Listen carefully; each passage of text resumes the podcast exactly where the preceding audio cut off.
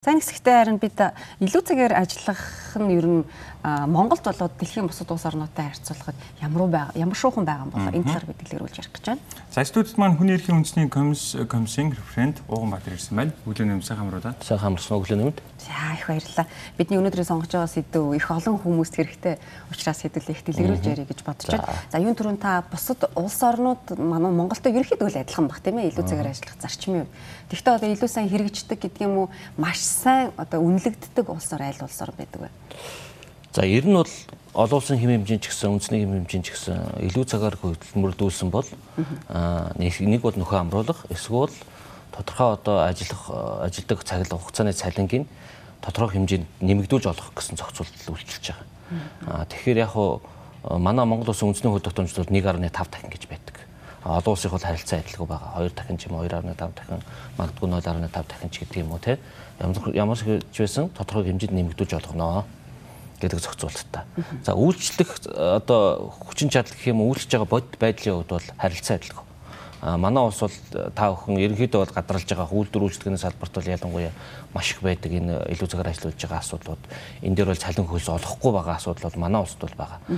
Арай одоо хөгжиж хөгжингүү улсуудад бол энэ асуудал бол үндсэндээ байхгүй. Өрөө тухайн үнийг илүү цагаар ажиллуулж байгаа бол тодорхой хэмжээний цалин өсөж олгодог.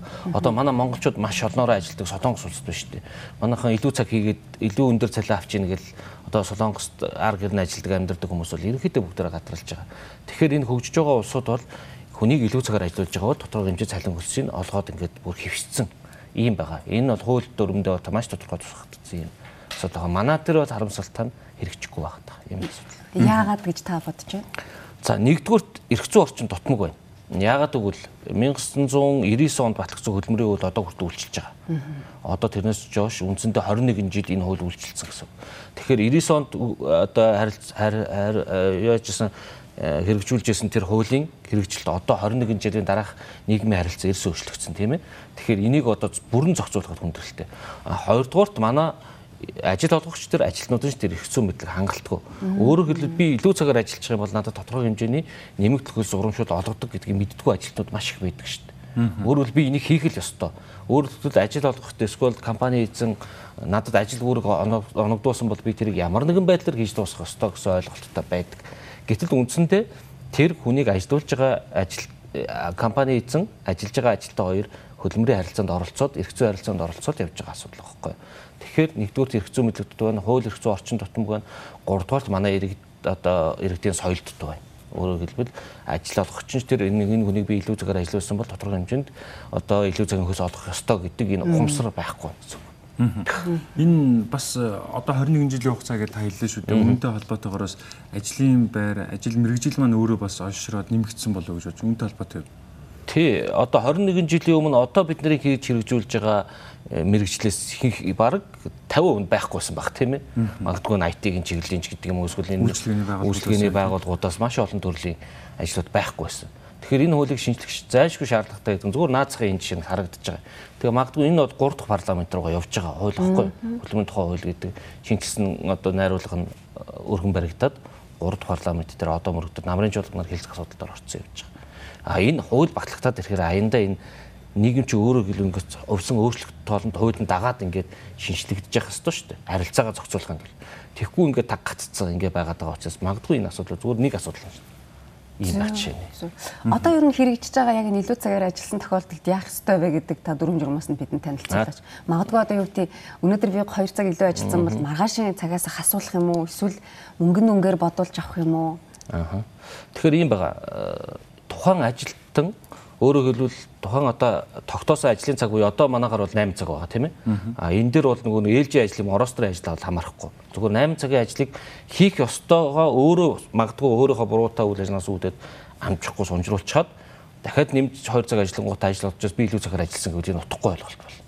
Өөрөөр хэлбэл энэ хууль чинь өөрөөр хэлбэл ажил олгогчийг тэр ажилтныг тэр адилхан л хамгаалж явах ёстой адилхан зохицуулалтаа хийж явах хэрэгтэй. Түүнээс биш ажилтан өөрөө ямар нэгэн байдлаар сунгачаад 2 цаг ажиллангуудаа ажил олгогч дээр ороод өө би 2 цагийнхаа нэмэлтийг авъя гэдэж болохгүй. Тэгэхээр өөрөөр хэлбэл үндсэн ойлголт нь юу вэ гэхээр тухайн ажил үүргийг зохих хугацаанд биелүүлээгүй биелүүлээгүй ийм үс үүдэлтэйгээр илүү цагаар ажилласан бол хөлс олохгүй ээ. Аа зайлшгүй ажлын зайлшгүй шаардлагаар ажилтан болон ажил олгогч хоорондоо тохиролцоод илүү цагаар ажилласан бол хөлсийг олгоно. Үндсэн цалинг одоо өөрөөр хэлбэл тухайн нэг цагт хийж байгаа үндсэн одоо цалингийн үнэлэмжийг 1.5 дахин нэмэгдүүлсэнтэй тэмцэх хэмжээний үндсэн цалингаас өөрөөр хэлбэл тухайн ажлыг ажлын 8 цагтаа хийсэн бол тухайн хүн авах ёстой цалингийн 1.5 дахин нэмэгдүүлээд олгож байгаа гэсэн үг. Энэ бол хөтөлбөрийн тухай хуулийн дээр ч байгаа, төрийн албаны тухай хуулийн дээр ч байгаа. Төрийн албаны тухай хууль 2019 онд шинжлэгдсэн. Шинжлэгдсэн төрийн албаны тухай хуулийн дээр төрийн албаагчд анх удаага илүү цагийн нэмэгдэл авах хэрэг үүссэн баггүй. А тэрнээс өмнө бол хөдөлмөрийн тухай хуулийн дээр зохицуулт бол байсан. Төрийн албаагчд ч бусад одоо хөдөлмөрийн харилцаанд оролцож байгаа иргэд бол илүү цагийн болмоор авах. Тэгвэл таны саяны хэлсэн дээр бол маргаан үүсэх юм байна. Тэ одоо яг тухайн үнийг цагтаа амжиж чи ажлаа хийгээгүй үстэй гэдгийг нотлох хэрэгтэй байх нь нөгөө хүн ч түүнийг өлөөмж хэрэгтэй байх нь. Ер нь энэ талын маргаан гэдэг юм уу энэ талын асуудлууд хэрэг яригддсан болоо. Нөгөө мэдлэггүйгээсээ болоод баг яригдахгүй байт юм болоо. Аа яг ер нь бол хүмүүс нэг үеийн удаад бас харьцангуй эрх зүйн мэдлэгтэй болсон. Манай хүнийх үндэсний комисжилд нэг 400 орчим 400 гаруй гомдол ирдэг. Тэрний 60 орчим хувь нь хөлөмөрлөх хэрэгтэй холбоотой гомдол.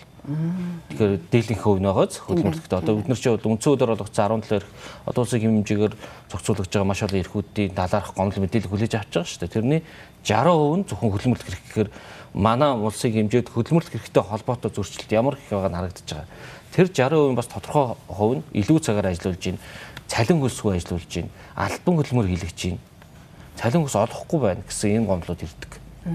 Аа тэгэхээр энэ бол нэлээдгүй тоо гарна. Яг ингээд тоолох юм бол бид нар бол ерөнхийдөө багцаагаар хуваар нь авч хэлж байгаа. Тэгэхээр ядангуяа энэ одоо энэ 2019 он гараа цар тахал гарснаас үүдэлтэйгээр аж ахуй нэгжүүд маань жоохон эдийн засгийн хувьд бол хүндрэлтэй байдалд орж ийн л та.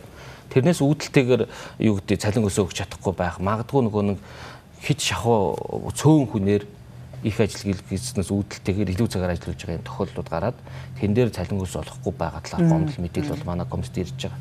Бид нар энэ дөр хийдэгсэн бол ихэнх нь хуулийнхаа дагуу бол хүний эрхийн үндэсний комисс шаардлага болон зөвлөмжүүд хоёр баримт бичиг хүргүүлдэг хүний эрхийн зөрчил гаргасан албанд шалтанд.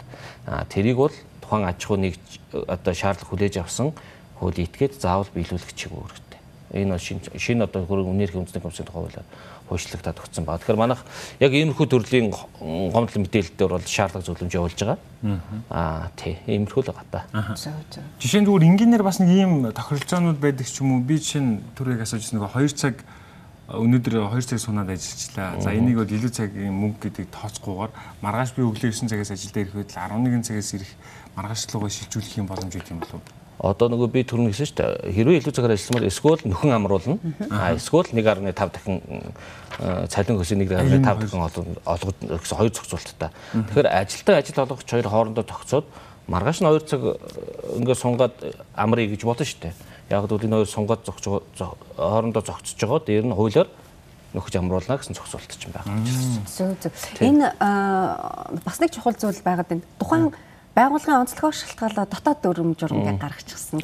Энэ нөгөө хөдөлмөрийн хуультайгаа мөн яаж зөрчилддөг эсвэл энэ хоёр хоорондоо хавсарч нөгөө илүү цагийн ажил үн цэнэг болдог тийм зүйлүүд байдаг болов уу? Яг энэ ер нь бол манай хөдөлмөрийн тухай хуулиар төр албаны тухай хуулиар бол ажлын 8 цаг байгаа. Аа бус нь ээлжийн ажил гэж нэг ойлголт байгаа тийм ээ. 24 гараад 72 амардаг ч юм уу 48 амардаг ч юм уу. А эсвэл уул уурхатай холбоотоор Орос төр ажил байгаа.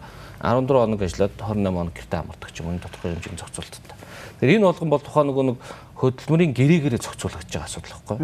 Хөдөлмөрийн гэрээн дээр чи 14 хоног ажиллаад 28 хоног гэртээ амарна. Эсвэл 24 цаг гараад 48 цаг амарна гэдэг чи хөдөлмөрийн гэрээгээр зохицуулагдж байгаа. А энэ хөдөлмөрийн гэрээгээр зохицуулсан одоо одоо харилцан тохиролцсон зүйлээс арай илүү цагаар ажиллаад эхлэх юм бол энэ илүү цаг болоо явчих واخхой. Гэхдээ түрүүнд би хэлсэн шүү дээ. Хийх ёстой ажлаа хийгээгүй ээжж сунгаж одоо ажиллачаад тэргээ би илүү цаг ажилласан гэх юм бол энэ бас зөрчил болно. Та одоо зөвлөхгүй юу? Яг одоо ингээд шинэ ажлын гараагаа хэлж байгаа залуучууд маань ч байна. Бид хамгийн ихэнд одоо шинэ хөдөлмөрийн гэрээ хийхээс л энэ бүхий эхлэх нь шүү дээ. Тэгэхээр энэ тал дээр бас зөвлөхгүй юу? Ер нь бол манай нийгэмд нэг маш том дутагдaltaй энэ хөдөлмөрийн харилцаан дээр дутагдaltaй юм юу вэ гэхээр ялангуяа хувийн хвшлүүд үйлдвэр үйлчлэгээ нэг одоо альбан бос хөдөлмөр альбан бос одоо хөдөлмөрийн зах зээл гэж байгаа. Өөрөөр та бүхэн одоо энэ одоо вагон дээрээс ачаа болгодог ч юм уу, дэлгүүрт ачигч хийдэг ч юм уу. Эднэр чи өөрөөр хэлбэл нийгэм дадлын шимтгэлийг төлдөггүй, цагаар аваад ажиллаулждаг. Хөдөлмөрийн гэрээг нь байгуулдаггүй. Өөрөөр хэлбэл манай ус тэртээ тэргүй ажилгууд л маш их байгаа учраас арай гэж нэг ажил олсон иргэн нөгөө ажил олгочтой би хөдөлмөрийн гэрээ байгуулмаар байна. Би нийгмийн даатгалаа төлөвлөмөр байна гэж шаардж чаддгүй байхгүй? Тэгэхээр энэ бол өөр хөл нөгөө нийгмийн одоо энэ байгаа байдалтай маш их холбоотой. Тэгэхээр арай гэж ажил олцсон иргэн одоо чинь та арай гэж ажил олцоод бүр одоо амьдрахын эрхэнт шүү дээ. Арай гэж нэг ачигчийн ажил олонгуудаа нөгөө ажил олгочоос би хөдөлмөрийн гэрээ байгуулъя гэж шаардж чадахгүй байгаа байхгүй. Ажил олох гэх юм бол магадгүй өө давай чи яв дараагийнх нь бэлэн байна. Чи яасыг олон юм ярьд. Яасыг хөдөлмөрийн гэрээ нийгмийн татгалтай шимтгтээ төлөвлөхийг хүсдэг Тэгэхээр тухайн байгууллага бол ер нь тийм байх ёсгүй үстэй. Тийм байх ёсгүй. Гэхдээ нийгэм тийм хандлага бол маш их байна даамгалцсан. Тэгэхээр энийг яаж арилгах ёстой вэ гэж. Тэгэхээр иргэн бүр өөрийнхөө эрхийг хамгаалагч байх ёстой. Түүнээс одоо би ингээд нэг ачигч хийгээд төлбөрийн гэрэг ачиж игээ явж идэл аль нэгэн хүний эрхийн комисс юм уу эсвэл мэрэгжлийн хяналтын байгууллага гүйж ирээд миний эрхийг хамгаална гэд эрхээ зөрчүүлээ суугаад иж болохгүй шүү дээ. Тэгэхээр өөрөө өөрийнхөө эрхийг хамгаалагч байхын тулд яах вэ гэхээр өөрөөр хэлбэл хуульд өөрөө өөрт нь нэрвэлсэн эрхийг шаардах ёстой хөдөлмөрийн гэрээ байгуулъя хоёлаа. Байгууллагатай байгууллагатай хоёлаа тэн дээр нь ямар хөдөлмөрийн нөхцөл ажиллагаа тогтъё. Одоо 24 цагаар ажиллаж. Бэлдэж бэрсэн үед яах вэ тогтъё? Үйлдвэрлэлийн ост орол яах? Ямар нэг хөндлөлбөр авах юм? Би яаж амарх юм? Яаж ажиллах юм? Ямар цалингуус авах юм? Илүү цагаар ажилласан бол яаж болох? Бүгд нь хөдөлмөрийн гэрээгээр зохицуулах хэрэгтэй. Даанч харамсалтай нь хөдөлмөрийн гэрээ байгуулж байгаа жижиг дунд аж ахуй нэгж бол маш авар шүү дээ. Харьцангуй энэ томоохон одоо компани аж ахуй нэгжүүд бол энэ тал дээр бол харьцангуй байгаа. Тийм ба. За тэгэхээр бид анхаарах хэрэгтэй байх нь хаана хаана энэ талын Ер нь бол иргэд өөрсдөө ч анхаарах ёстой. Аж ахуй нэгжийн эцэд маань ч гэсэн өөрөө нийгмийн хариуцлага хүлээе те. Хүн хүн авч ажиллаж байгаа бол бас тэр хүний эрхийг зөрчихгүй бай. Тийм л. Та бүхний хувьд энэ талын мэдээллийг ер нь олон нийтэд хүрэхийн тулд ямар ажил явуулдаг вэ? Манай хүний эрхийн үндэсний комиссийн чиг үүрэгт бол сургууль сурталчилгааны ажлын чиг үүрэг байдаг.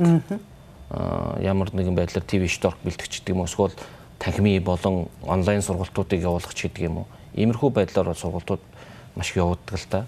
Хүмүүс хэрэг хамрагддаг бол.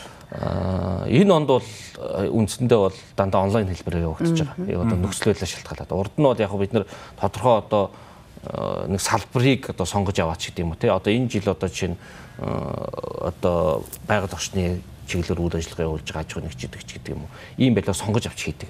Гэтэ энэ хөдөлмөрийн зах зээлд оролцож байгаа одоо маш олон хүнийг бүгдийг хамруулж байгаа гэдэг ойлголт бол байхгүй. Тодорхой хэмжээнд хүрээд тэр нь цаашаага бид нэр одоо нэгнийхээ эрхийг хамгаалахад бол би өнөөдөр сонсцсон бол маргааш танд очиод ингэдэм биш үү, тэгдэм биш үү гэдэг мэдээлэл харамгүй түгэж явах хэрэгтэй. Тэгжээч энэ нийгэмдх одоо энэ юу гэдэг хөлбөмбөрийн зөрчлүүд арилах боломжтой шүү дээ. Бүгдийг нь одоо гэгэрүүлээд бүгдэнд нь сургалт хийгээд явах боломж бол бүгдээр байхгүй тийм. За их баярлалаа. Гэхдээ хүмүүс бол өөрсдөө хүсэлт гаргаад сургалтанд хамрагдаж бол болох бах тийм ээ. Хувийн сонсоод. Болно. Одоо аж ахуй нэгжүүд бол манай дээр хүсэл тавиад бид нар хөдөлмөрлөх эрхийн чиглэлээр ч ирдэг юм уу те. Өөр ер нь бол хүний эрхийн чиглэлээр сургалт авч бол авъя гэдэг хүсэл тавиад авал чөлөөтэй байдаг тийм. За их баярлалаа. Үзэгчдээ би та бүхнийг хүний эрхийн үндэсний комиссарын бранд Ууган Баатартай уулзууллаа. За бид дараа дараагийн эсгүүдтэй ер нь бол одоо бид илүү цагаар ажилласнаар эрүүл мэндэд тань ямар нөлөөтэй байх вэ? За мөн одоо гэр бүлийн харилцаанд яаж нөлөөлөх вэ гэх мэтчлэн яг одоо мэрэгжилтнүүдээс зөвлөгөө мэдээлэл үргэлжлүүлэн